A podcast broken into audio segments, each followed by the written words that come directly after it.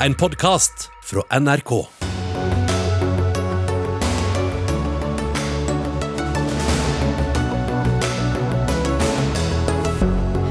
Først var de tre, så ble de to. Hvor mange som blir igjen til slutt, er det ingen som vet. SV gikk ut av regjeringssonderingene i ettermiddag. Nå blir de møtt med åpne armer fra Rødt og MDG. Sikring av en bekk kunne forhindret Gjerdrum-raset, ifølge utvalg. Vi må unngå flere ras, men da må Kommune-Norge skjerpe seg, mener Rådgivende ingeniørers forening. Blinde barn får ikke det opplæringstilbudet de har krav på, sier en mor. Mener systemet har sviktet totalt. Og vi er i ferd med å miste universitetet vårt, sier Lillestrøms ordfører. Og hvorfor han er så bekymret, får du høre i dagens Dagsnytt 18 med Sigrid Solund i studio. Miljøbevegelsen er skuffet, Fagforbundet likeså. Et mageplask er dommen fra Venstre, mens MDG håper på en grønn blokk på Stortinget. Det er eh, delte reaksjoner etter at SV brøt ut av regjeringssonderingene med Arbeiderpartiet og Senterpartiet i ettermiddag. De fikk ikke nok gjennomslag for sine viktigste politiske saker, men satser heller på å påvirke politikken i Stortinget. Vi straks, straks skal vi til partilederen her i studio, men først til deg, Lars Nehru Sand, politisk kommentator i NRK. For nå er spørsmålet også hva skjer videre nå? Her på Hurdal vil eh, Jonas Gahr Støre og Trygve Slagsvold Vedum møte pressen om en eh, bitte liten time, og sannsynligvis si at de to partiene går videre med tanke på å danne en topartiregjering, etter at det har vært forankret i begge de to partiene. Men dette er utvilsomt en eh, dag for de Eh, historiebøkene i norsk eh, politikk, og et eh, betydelig nederlag for Jonas Gahr Støres drøm om å lede en flertallsregjering. Nå blir det mer trøblete og uoversiktlig for han, Arbeiderpartiet og for så vidt alle de tre partiene på rød-grønn side. Og Det skal vi komme tilbake til om litt, men du var jo også i Hurdal da de tre partilederne kom ut etter tur og møtte pressen tidligere i dag. Hvem virket mest fornøyd, vil du si? Jeg tror var, nei, alle tre var litt eh, preget av eh, stundens eh, alvor, og at uh, dette var en, en, overraskende vending for, for de fleste, i lys av at alle tre hadde en reell vilje til å øh, gjøre et oppriktig forsøk på å få til en trepartiregjering.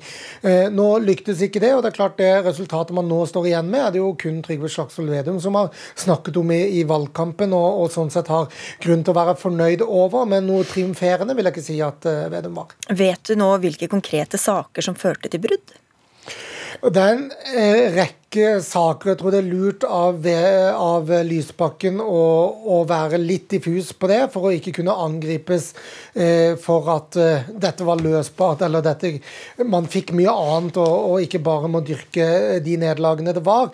Eh, så han har en bred portefølje på, på, fem politiske punkter han nevnte utenfor eh, skyvedøra her på Hurdal. Eh, Eh, hotell, men, eller Hurdalssjøen hotell, men eh, det er særlig eh, manglende gjennomslag i oljepolitikken og skattepolitikken som gjør at dette endte med et brudd for SVs del.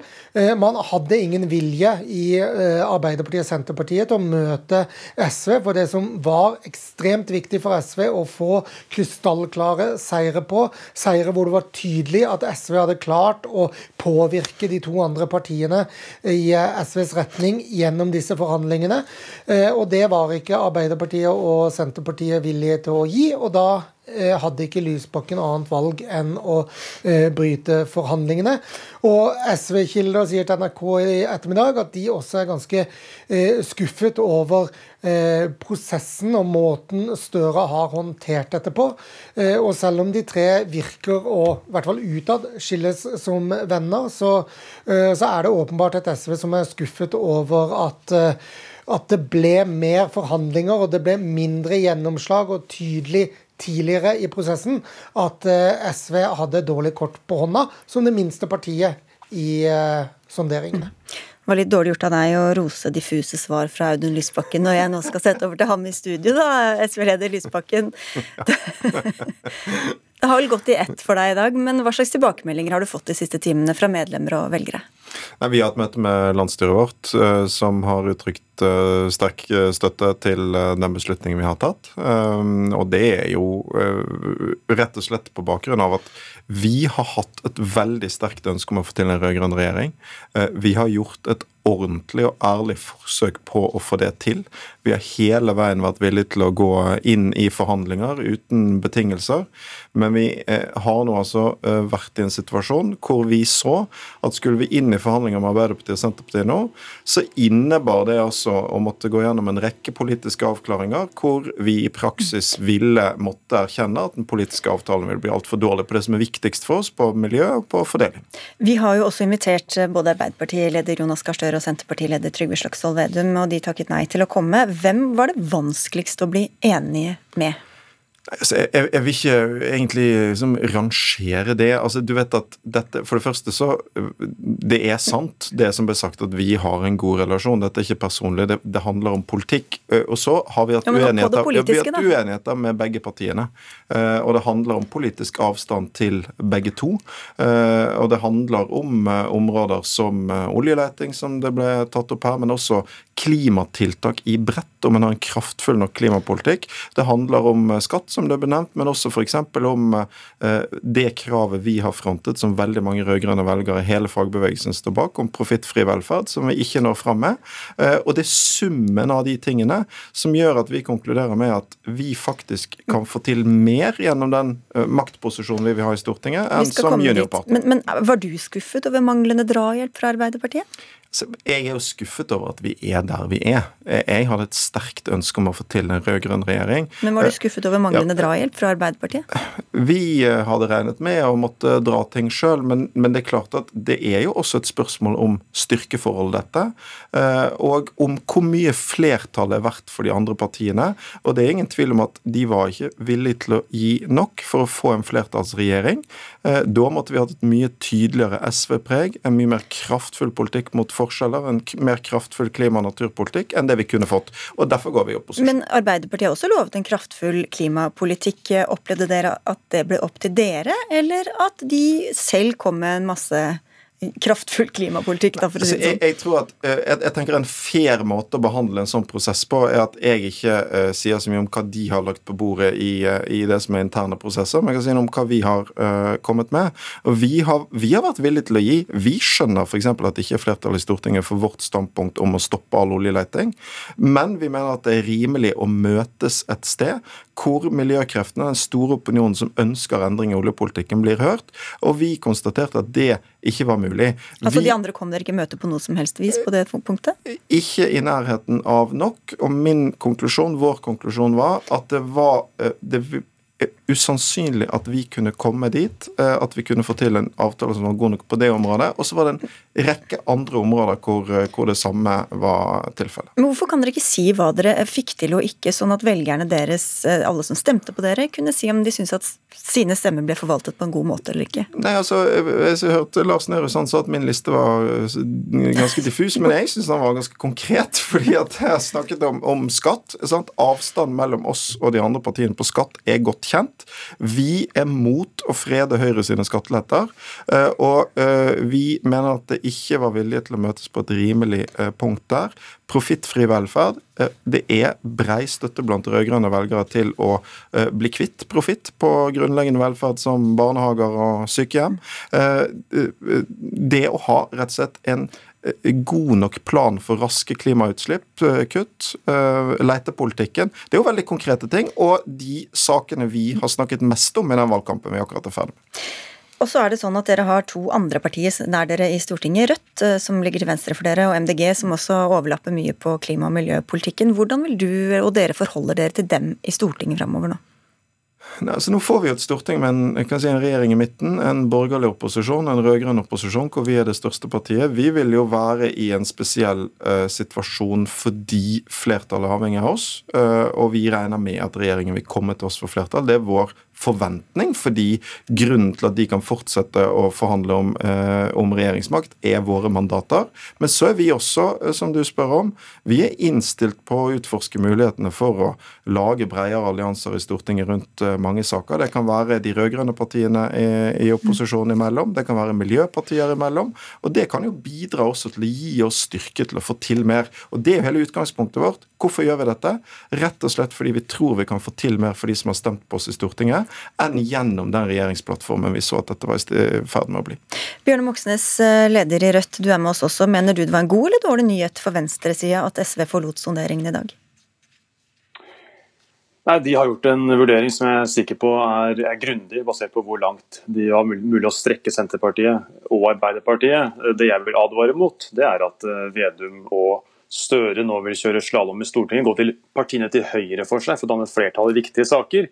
Det vil være å overkjøre det krystallklare ønsket fra velgerne om et politisk retningsskifte. Og Husk at nå har Støre og Vedum lovt i øst og vest, altså i månedsvis, det skal bli reell forandring i Norge. Mindre forskjeller, mindre utslipp, mindre privatisering. Hvis vi nå ikke leverer på dette, her, kan jeg garantere én ting. Ved at vi står klare til å ta imot hundretusener av skuffa velgere hvis de ikke gjør som de har lovt. Og det her jo, vil dere, prøve, vil dere prøve å knytte SV nærmere dere på en eller annen forpliktende måte for å presse fra Venstre i, i Stortinget? Ja, absolutt. Eh, vi inviterte i valgkampen allerede eh, SV til å, hvis de ikke da skulle inn i regjering, hvis det ble utfallet, eh, å inngå i en felles front for å binde en ny regjering til venstresida, nettopp for å unngå slalåmkjøring i Stortinget. Vi ønsker nå å gjenta den invitasjonen, at vi kan få til mye sammen. Og med den krafta vi representerer. Husk at Rødt gikk mest fram av samtlige partier etter Senterpartiet. Rødt og SVs framgang samla er større enn Senterpartiets framgang i høstens valg. Så sammen kan vi få til mye, tror jeg. og det vil kunne gi en økt kraft i å både få ned forskjellene, få ned utslippene, profittfri velferd og gjøre slutt på handlingslammelsene vi ser i næringspolitikken. Så her er det rom for å få til store ting sammen, tror jeg. Jeg vet ikke om du vil ta imot den utstrakte hånden, Lysbakken? Jo da, altså vi har samarbeidet godt om mange saker, vi. Eh, så er selvfølgelig eh, SV i den, eh, den posisjonen at det sannsynligvis er oss regjeringen vil komme til for å forhandle i mange saker. Det ansvaret må vi ta, men vi er absolutt klar til å jobbe sammen med Rødt i saker hvor vi er enige.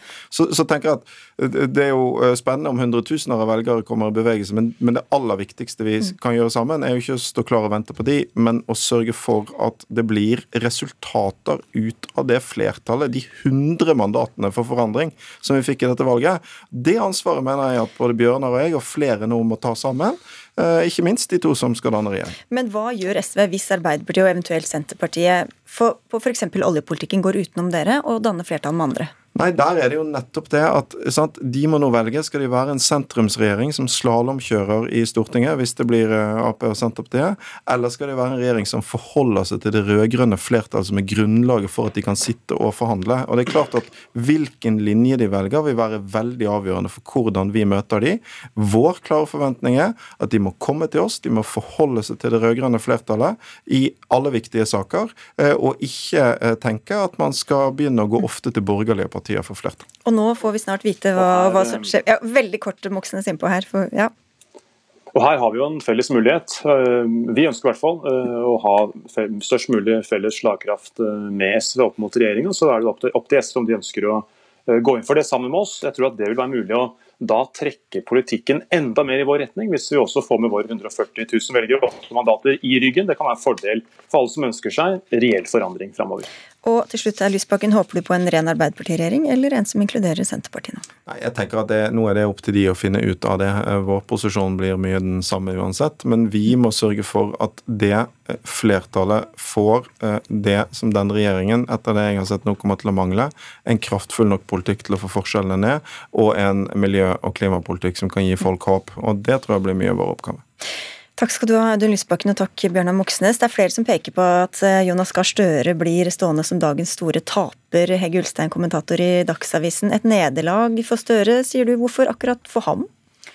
Det er han som har vært sjefen for disse forhandlingene, og det er han som helt klart og tydelig har gått til valg på en rød-grønn regjering. Audun Lysbakken her har jo sagt at de har dørene åpne også for andre partier, eh, og at de både kunne tenke seg å sitte i regjeringen og ikke gjøre det, sånn som, sånn som vi nå ser. Og Senterpartiet, som vi vet, har jo gått eh, til valg på en sånn Arbeiderparti-Senterparti-basert løsning. Så den som helt tydelig har sagt at hans eh, første ønske er den regjeringen som nå har havarert, det er Jonas Gahr Støre.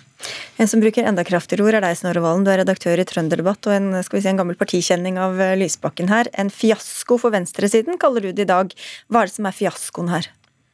Fiaskoen er at de, de hundretusenvis av velgerne da, som Bjørnar Moxnes snakka om i stad, eh, får veldig lite igjen for stemmen sin. For venstresida har uh, organisert seg sånn og stelt seg sånn at de kan gå mest fram i valget, som Moxnes var inne på, uten at det gir adgang til regjeringsmakt.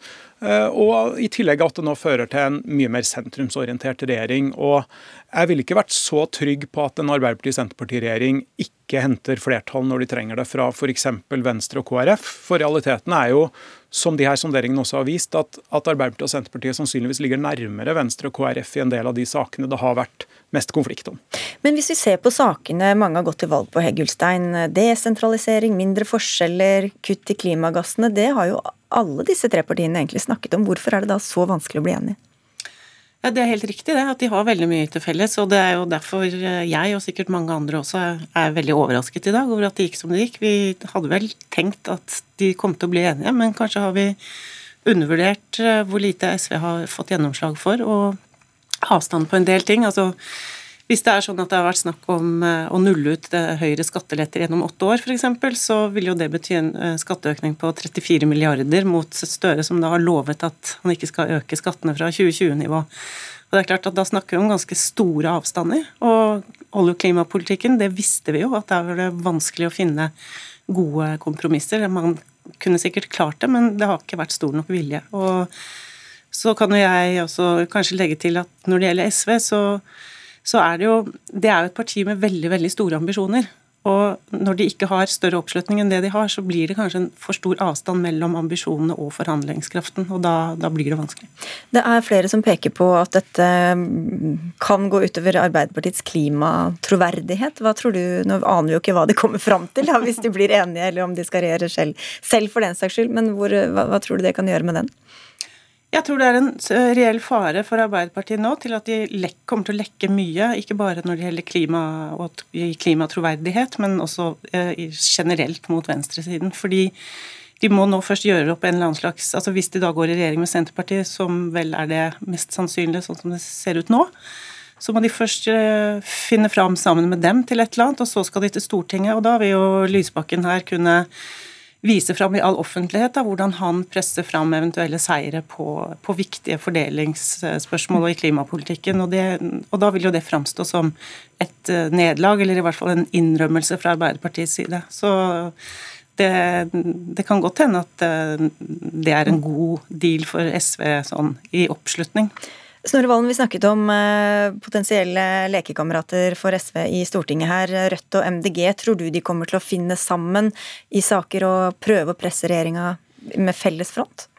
Ja, De henger jo litt sånn enten sammen eller hver for seg. Eh, og de har bare én vei til makt. Og det partier som SV og Rødt har til felles. Eh, de er avhengig av en blokkdeling i norsk politikk, der Arbeiderpartiet må orientere seg mot venstre. Så, og Derfor er jo bruddet i dag en kjempeseier for Senterpartiet. De, som min kollega Sivert Rossing i Trønderavisa var innom forrige uke, så er jo de tjent med at det her skillet vi har hatt nå siden 2005, som er så tydelig mellom høyre- og venstresida på Stortinget, brytes ned. Det betyr at Senterpartiet over tid har har flere veier til makt, mens det isolerer potensielt SV, Rødt og også MDG. Og Derfor så, så, bør det være en ettertankens dag både for venstresida, som nå ikke får betalt for sin økte oppslutning, og for Jonas Gahr Støre, som var så tydelig på at et regjeringsalternativ han ikke ønska, nei, han ønska, ikke blir noe av. Heggulstein Lysbakken sa tidligere i dag at han vil knytte konkrete politiske saker også til budsjettsamarbeidet. Hvordan skal det gå, tror du? Ja, Vi får se, da. Det, det kan godt hende at det er lurt. Men, men det er litt jo... uvanlig også? Ja, det er litt uvanlig, men, men, vi har vel hatt noen eksempler på det. Og så er det jo sånn at han har sagt eh, også at han ikke ønsker å ha noen avtale med regjeringen i det hele tatt. Heller ikke en avtale om at de skal gå først til han på budsjettene. Så det gir jo det spillerommet som vi snakker om. Og jeg kan jo minne om at Jonas Gahr Støre før valget i 2017 snakket jo nettopp om et samarbeid med Venstre og KrF som en mulighet.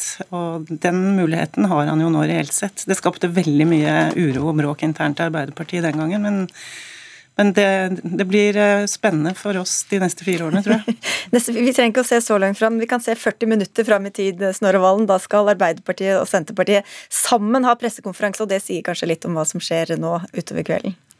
Ja, og nå skal det enda mer til å, å bryte, tror jeg. Jeg tenkte at anledninga for Arbeiderpartiet å eventuelt danne en, en regjering alene, den, den, var når det ble brudd nå. Men, men når Jonas Gahr Støre har akseptert at eh, det blir to partier, så, så, tyder vel det meste på at det er de to partiene som blir Norges neste regjering. Vi ser på Audun Lysbakken, han sitter helt taus. Vi får følge med. Ingen inside lenger. Nei, nå er du på utsida, du òg. Takk skal dere ha, alle sammen, for at dere var med hos eh, oss. Lars Nehru Sand, Audun Lysbakken, Bjørne Moxnes, Hege Ulstein og Snorre Valen.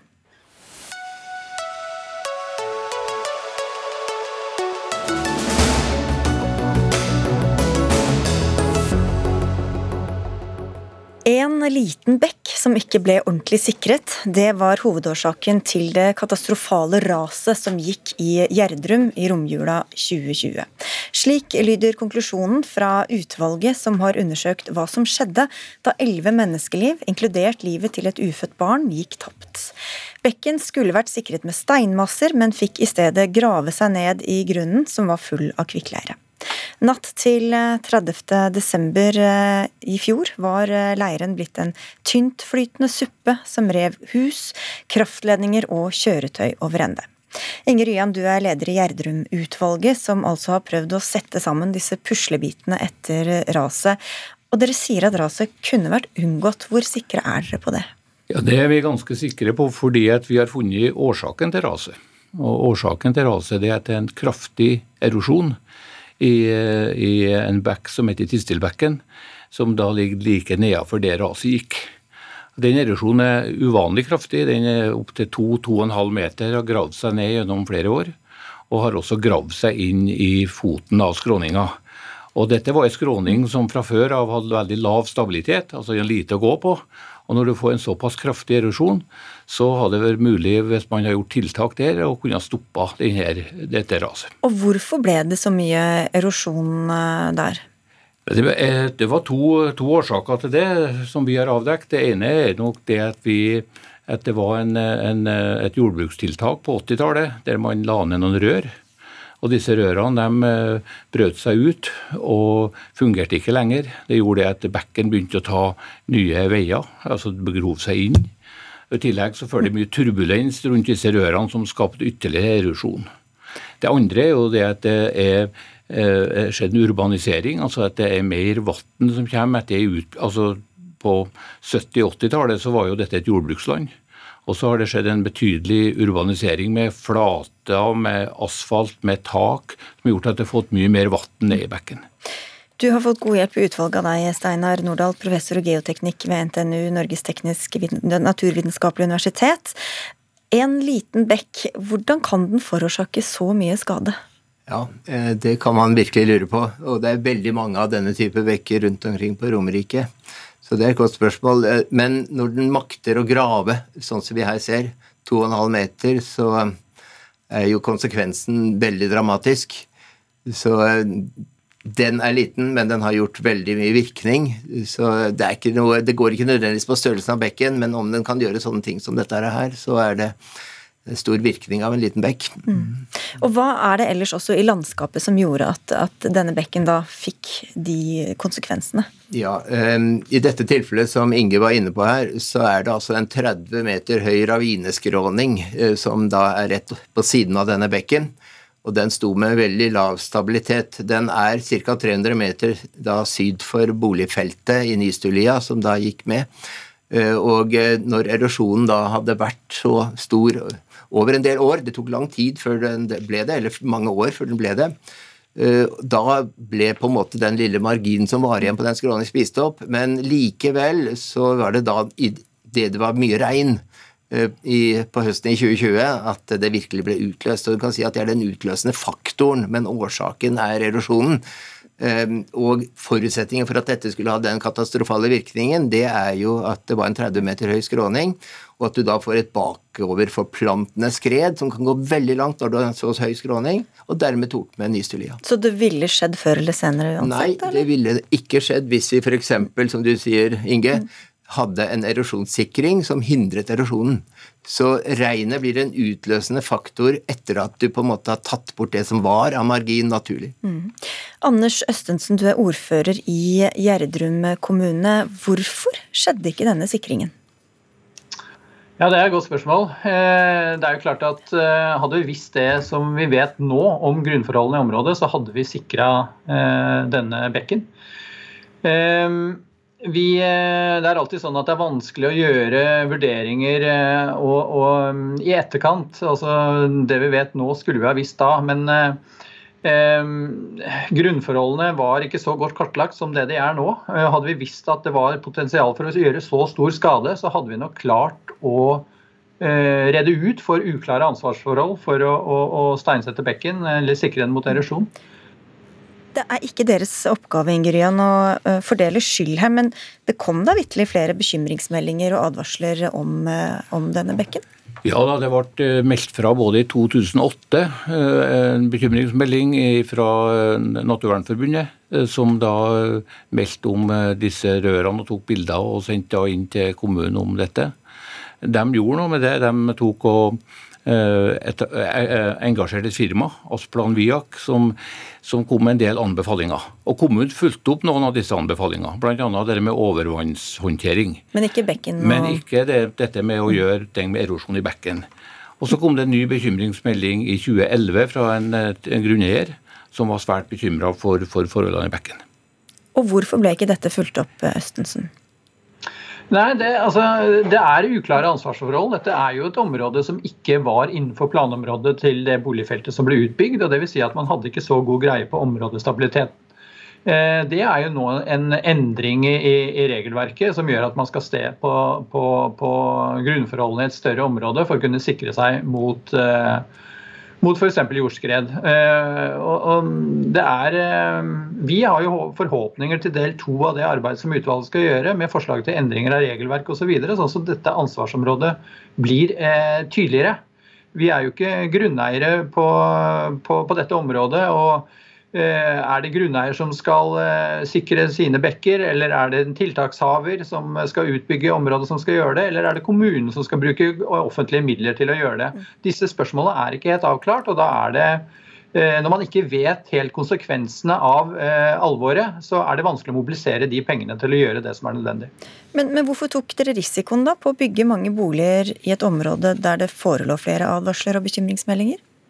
Ja, nå var nok eh, de boligbyggingen i gang. og som sagt så var altså kravene til eh, kunnskap om områdestabilitet ikke den samme som det er nå. Så det er jo de vurderingene ble gjort innenfor det regelverket som var på den tiden. Men du sier dere ikke fant midler. altså Betyr det at man bare ikke prioriterte å gjøre dette, eller? Nei, men eh, altså, eh, vi, vi, vet jo ikke altså, hvem skal ta på seg ansvaret på et område som ikke er definert inn i, i et veldig tydelig ansvarsområde.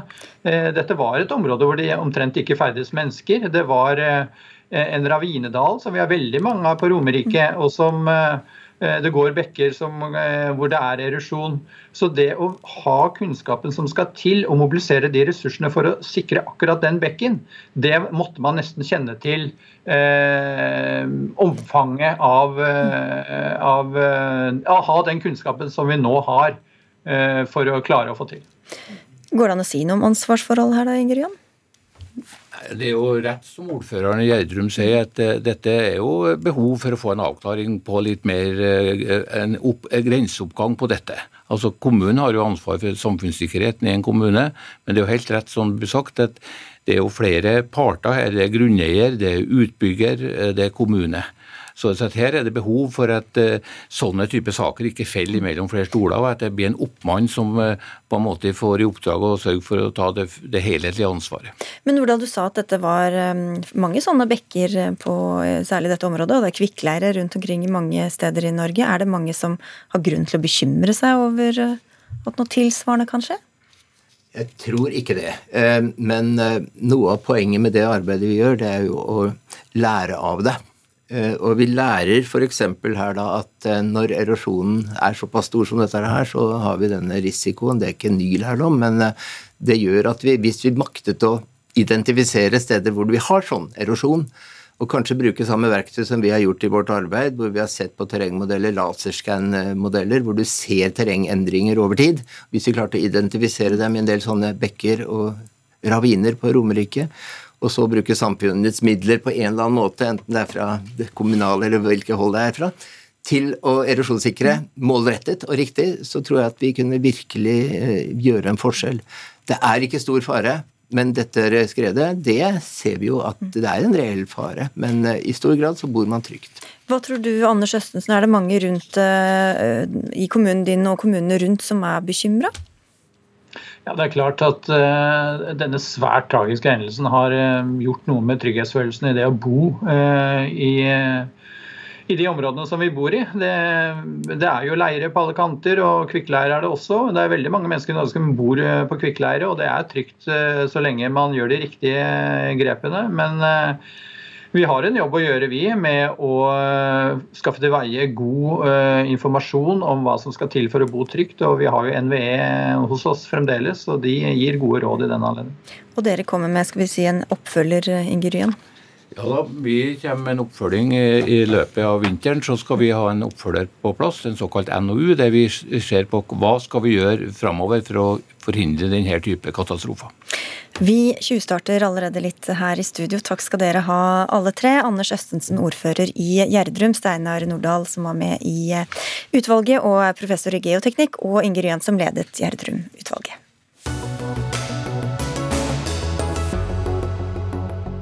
For det var jo ufattelig tragisk det som skjedde på, i Gjerdrum. Og mens utvalget videre eh, jobber, så spør mange seg om dette også kan skje andre steder. Været i Norge blir våtere, og vi må vite mer om områder som står i fare for å oppleve ras. Men Kommune-Norge virker like, lite interessert, sier dere, Liv Kari Skudal Hansten. Du er administrerende direktør i Rådgivende ingeniørers forening. Hva mener du med det? Det er en, en kjempeutfordring uh, at vi har nå et klima som er i endring, og som uh, da FN-rapporten med all tydelighet viser, og som vi også merker. Og så er det klart at uh, dette krever kompetanse, og det krever økonomi. og vi ser at på begge deler så, så, er det en krevende utfordring for kommunene å komme dit. Det er manglende kompetanse i, i kommunene både til å etterspørre Eh, riktig kartlegging, ha oversikten og også følge opp de tiltakene. Eh, både iverksette det, men også over tid.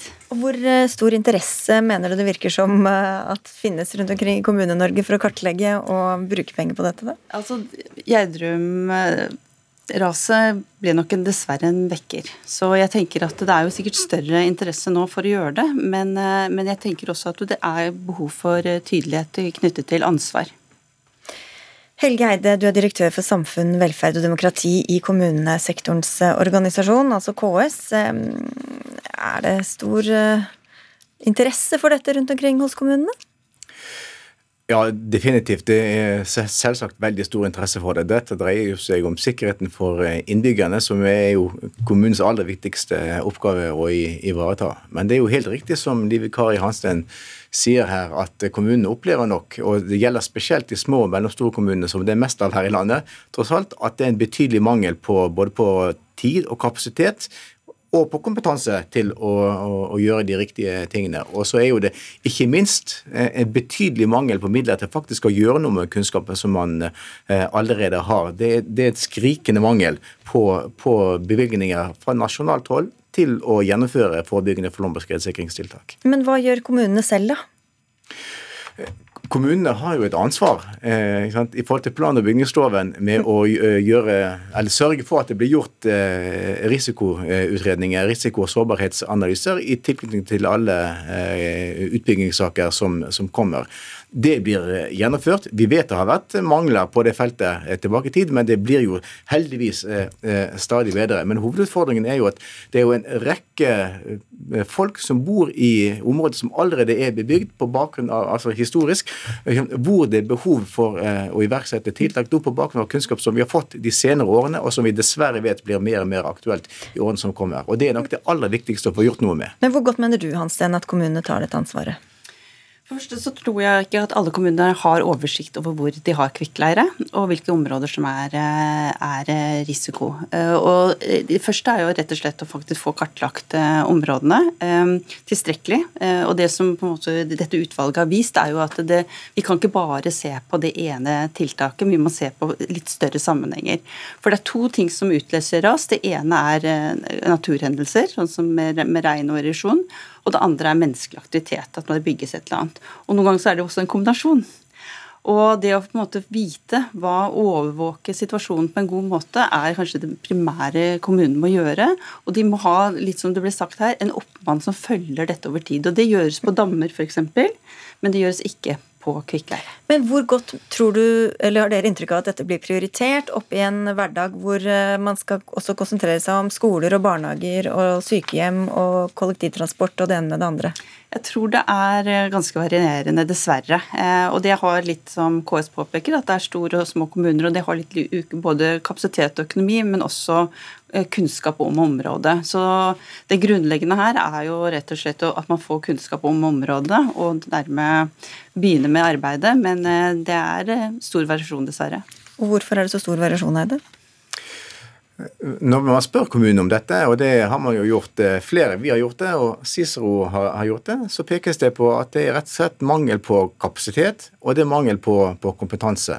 Eh, og det er jo hovedgrunnen til at vi har eh, invitert både avgående regjering, men også den eh, pågående regjeringen til å være med på en nasjonal eh, opptrappingsplan for klimatilpasning, hvor vi kan se på tiltak på hvordan vi kan bygge kompetanse og hvordan vi kan bygge kapasitet. For det er et samspill mellom stat og kommunesektor, og mellom eh, de rådgivende ingeniørenes firma, som jo Liv Kari Hansten eh, organiserer. Det er summen av det som gir eh, den positive effekten. Dette leirskredet hadde jo ingenting med klimaendringene å gjøre, men det kan jo etter hvert forsterke og, og påvirkes også både, både, slike ras og andre typer ras. Hvor god tid tror du vi har Hansten, på å legge disse planene og kartlegge og komme med tiltak? Altså, jeg vil si at det er en varslet katastrofe, eh, dessverre. Fordi vi har, dårlig, vi har dårlig tid. Eh, Klimaendring kommer med, med, stor kraft, og det betyr mer nedbør.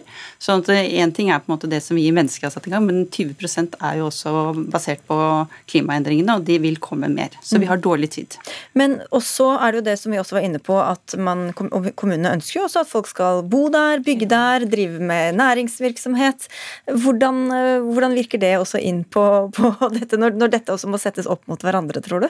Jeg tror det er veldig viktig med en uavhengig faglig kompetanse. At man faktisk går inn og ikke lar seg presse av utbyggerens ønske. Det er selvfølgelig veldig krevende, men det å ha uavhengige kontroller der man ikke man rett og slett står helt fritt fra både hva kommunen ønsker og hva utbygger ønsker, er helt sentralt. Og det krever høy kompetanse og høy integritet. Ja, det. Det er jeg helt enig i, eh, men så må jeg få lov til å gjenta at det er fortsatt en utfordring at det er veldig mange som allerede bor i områder som er utbygd, og som, eh, hvor det rett og slett mangler bevilgninger til å få gjort noe med det. F.eks. Otta da, i Gudbrandsdalen. Altså, Allerede i 1995 forelå jo det planer etter flommen den gangen for å kunne eh, flomsikre tettbebyggelsen i Otta. Det er fortsatt ikke gjennomført pga. mangel på kapasitet. Og Det er, det er liksom en, en, en, hovedutfordring det er å trappe opp dette, særlig når vi vet at det blir, dessverre blir økende risiko i tiden framover for hendelser som, som, dette. Så det er be, akutt behov for å løfte det på en nasjonal, agendaen også. Men det er kanskje liten grunn til å tro at det er dette som kommer til å dominere regjeringssonderingene og forhandlingene framover? Jeg tror nok regjeringen må forholde seg til klimaendringene, og dermed blir det en del av pakka. Og så kommer det en offentlig utredning, som vi hørte. Takk skal dere ha begge to for at dere var med. Liv Kari Hansten, administrerende direktør i Rådgivende ingeniørers forening, og Helge Eide, direktør for samfunn, velferd og demokrati i KS.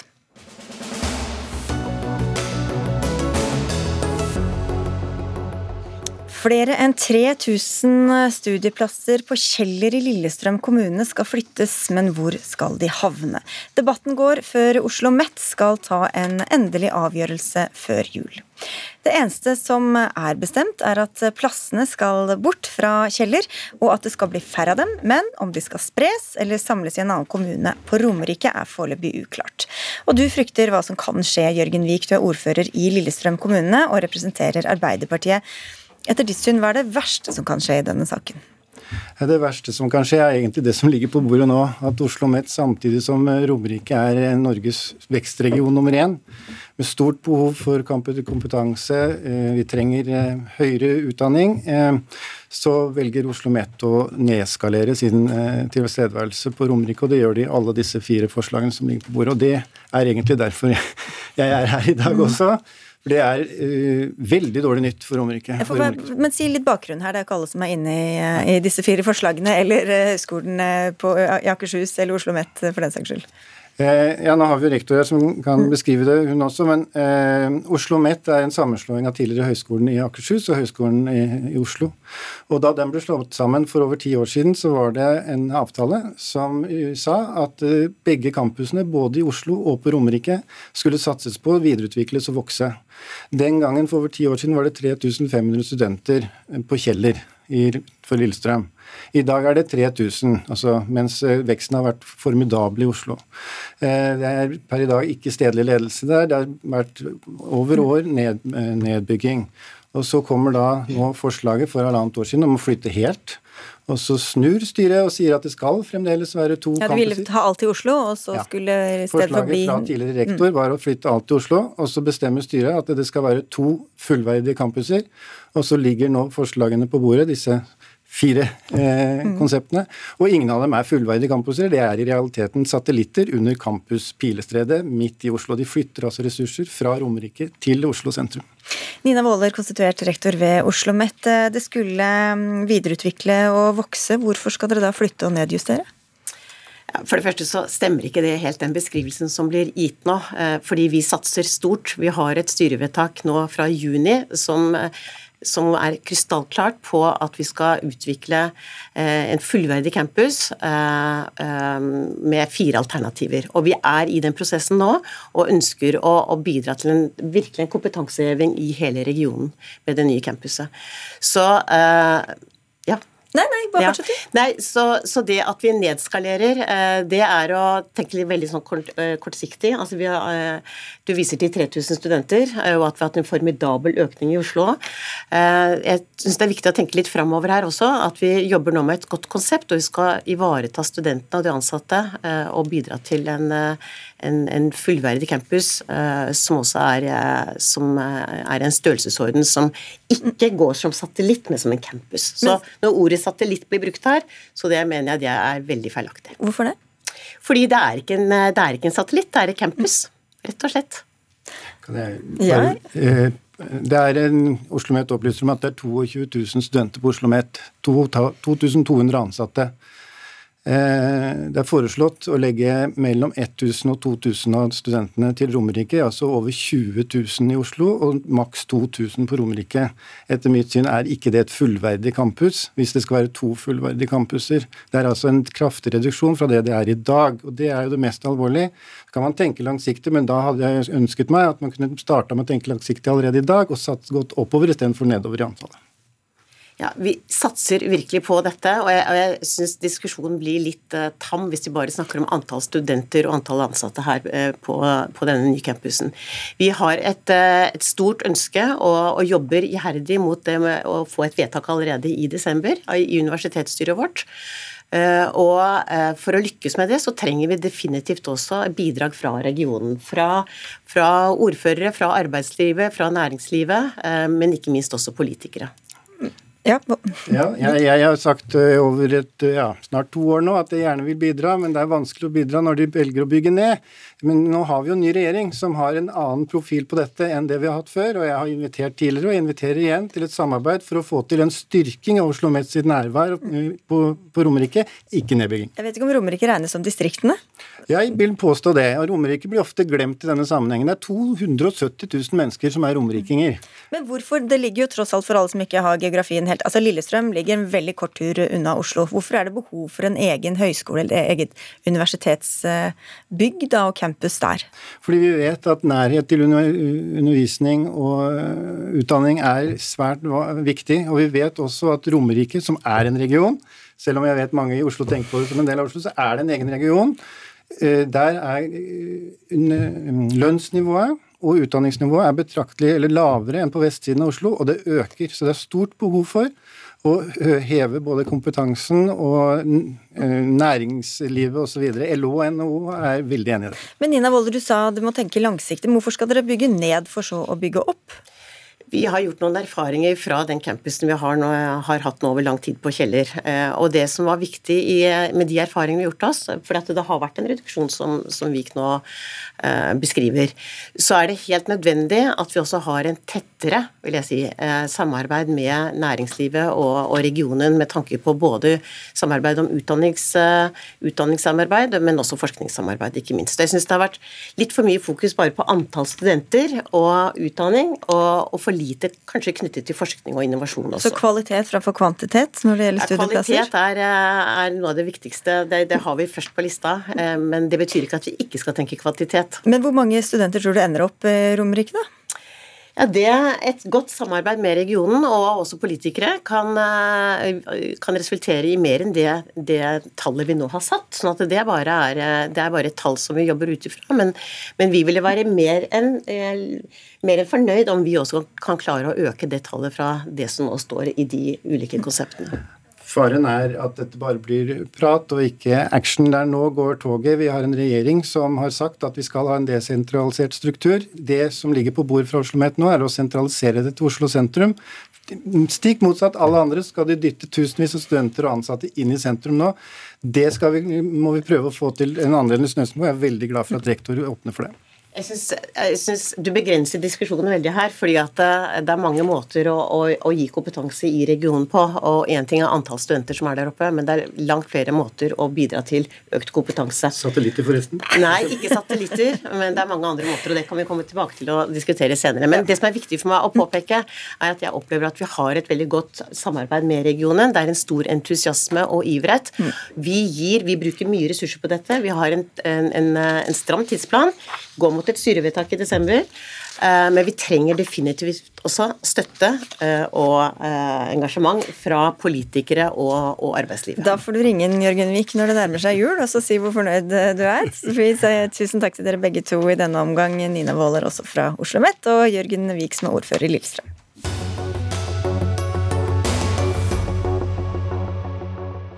Det skal fortsatt handle om skole og studier, men vi skal lenger ned i trinnene. Skolen skal være for alle, og ingen skal bli diskriminert ut fra hvor godt de ser, hører eller andre funksjonsvariasjoner.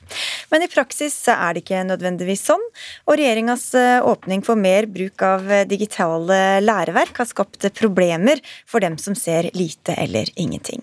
Siri Smedsrud, du har en blind sønn, Petter. Hvordan fungerer de digitale læreverkene for ham? Ja, Det aller viktigste å forstå er at eh, blinde elever som ikke kan se det som står på skjermen, de kan ikke forholde seg til det grafiske brukergrensesnittet som egentlig mye av de digitale læremidlene er bygd opp rundt. Så de må forholde seg til hvordan siden er koda. Og Det betyr at hver enkelt eh, digital ressurs fungerer på en helt unik måte, som krever veldig høye digitale ferdigheter av de blinde elevene. Så når ikke man tenker på denne problemstillingen når man starter å utvikle et digitalt læremiddel, så er det garantert at man ender opp med et læremiddel som ikke er tilgjengelig for de blinde elevene. Så det er ikke bare å, du ser ikke f.eks. hvilke knapper du skal trykke på, eller hvor pila skal gå, eller Altså det er ikke lagt Nei. opp på samme måte som for oss seende? Nei, på ingen måte. Det kan være en stor rød knapp midt på skjermen som alle seende skjønner du skal trykke på. Den kan være veldig vanskelig å finne uh, med blindetekniske hjelpemidler. Og Hvordan har dette endra seg de siste årene, og nå med den nye læreplanen, etter din erfaring? Ja, Før, når, med de gamle læreplanene, så var jo undervisningen i hovedsak bygd opp rundt lærebøker. Og Det betydde da at skolen til sønnen min kunne søke om å få disse læremidlene tilrettelagt fra Statped. Da hadde sønnen min gode, eh, egnede læremidler som han fint kunne navigere i og jobbe helt selvstendig i. Og Da var jo de digitale læremidlene eh, et supplement til eh, lærebøkene. Så når de andre elevene i hans klasse satt og jobba i digitale læremidler, for det har vært en del av skolen lenge, så satt han ikke i de læremidlene. Men nå når han eh, begynte på ungdomsskolen, samtidig som innføringen innføring av de nye læreplanene, så ser vi at det er en eh, Boka fins ikke lenger. Og det er jo veldig mange som opplever det, at lærebøkene ikke fins. Det fins jo elever altså Nå blir jo Oslo-skolen også en iPad-skole. Veldig mange skoler er iPad-skoler. De eh, bruker ikke lenger bøker. Og Det gjør at de blinde elevene har mista tilgangen på gode, tilrettelagte læremidler. Og Du har tatt dette opp med Likestillings- og diskrimineringsombudet, hvor du er fagdirektør for funksjonsevne, Eli Knøsen. Hva var deres reaksjon på den virkeligheten dere fikk beskrevet her? Uh, altså, vi, må vi bli klar over at hvor stort problem det egentlig er, for det har det jo blitt etter at vi fikk nye læringsmidler, eller, uh, og etter 2018, er det vel. Men uh, vi har jo tenkt sånn at det, det her er definitivt så er det um, det, altså, Digitale læringsmidler skal etter likestillings- og diskrimineringsloven og forskrift om UU av IKT skal være universelt utformet, og det er det ikke. Og Petter, sønnen til Siri her, han har krav på individuell tilrettelegging etter loven, og det får han ikke. Så det er jo ingen tvil om at det Petter og veldig mange med han opplever, at de ikke får en inkluderende og likestilt skolegang, er både urimelig og uakseptabelt, og etter vår mening så er det brudd på loven. Nå er det jo klart at det er Diskrimineringsspørsmålet det er det mm. diskrimineringsnemnda som tar, men vi mener at det er brudd på loven, og at dette er en veldig alvorlig sak. Dere sendte da brev til Kunnskapsdepartementet og har fått svar derfra. Anja Johansen, du er statssekretær. Hvorfor skal blinde og svært svaksynte barn og ungdommer rett og slett diskrimineres? Ja, det skal de jo ikke. Men blir de det, da?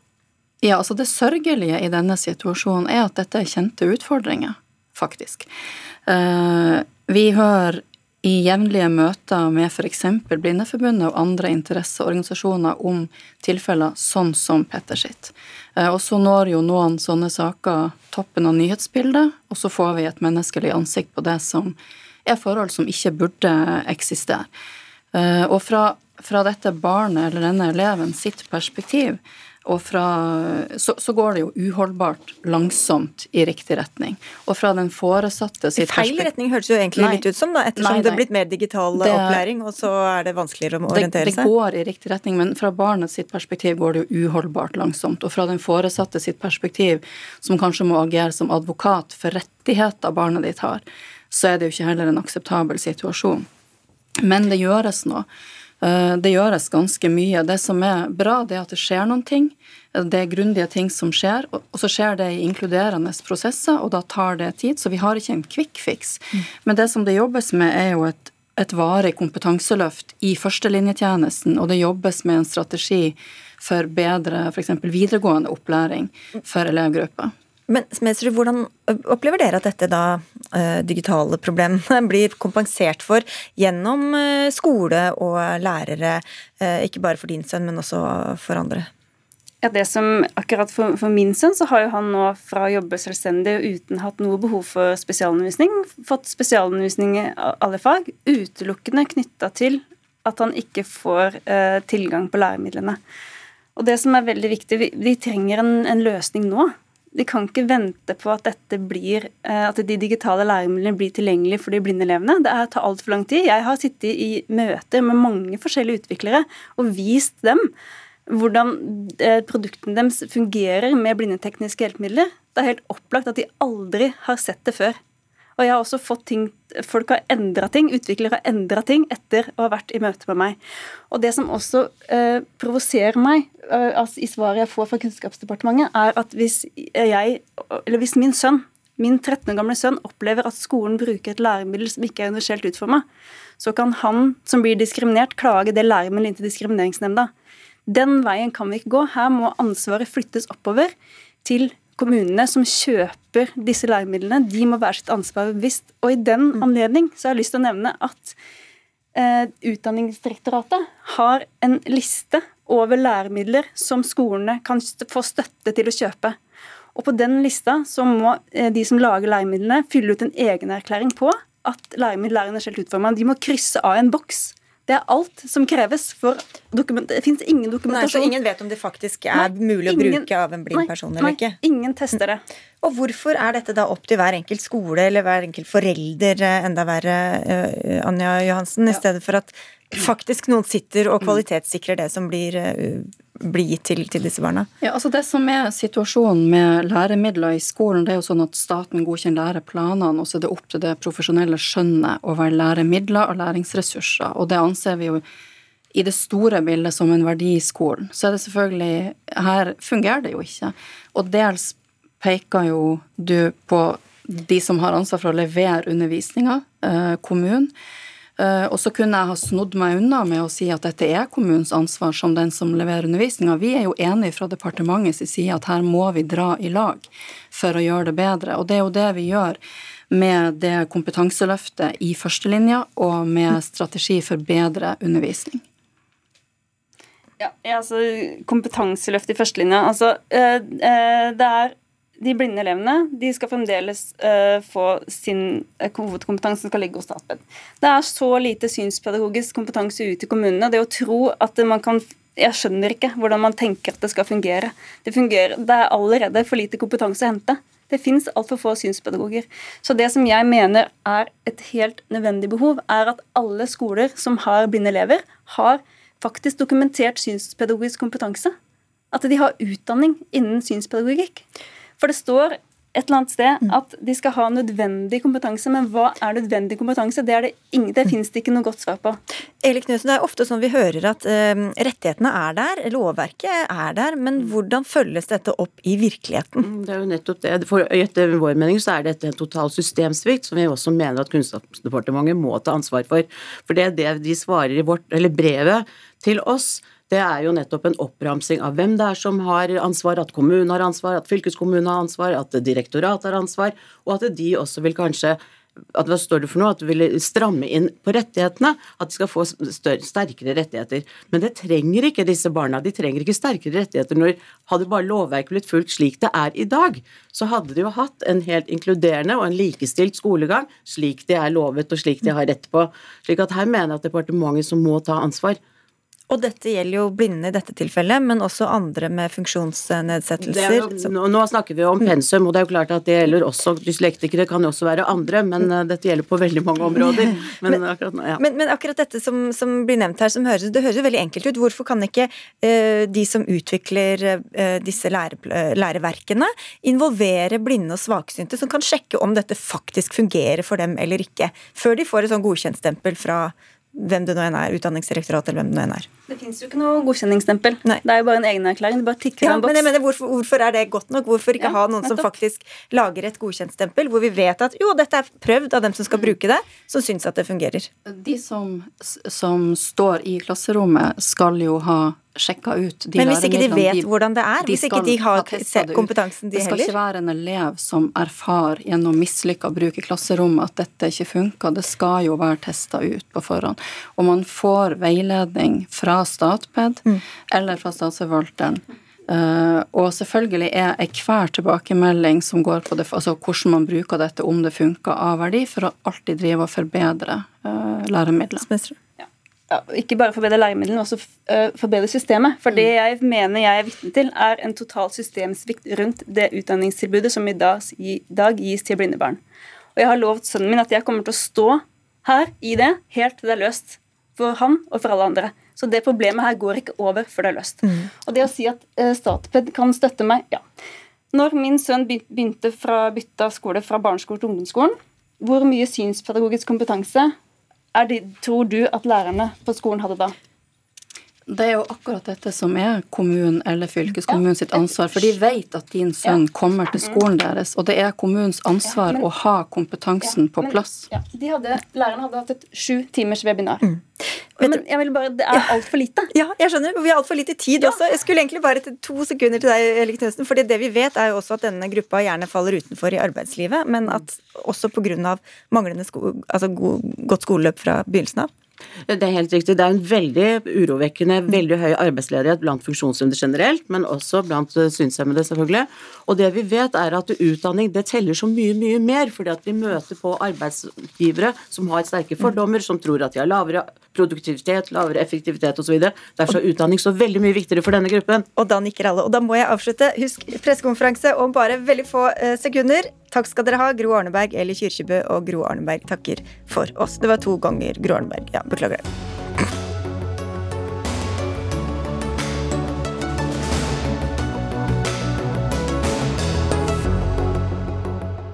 Du har hørt en podkast fra NRK. Hør flere podkaster og din favorittkanal i appen NRK Radio.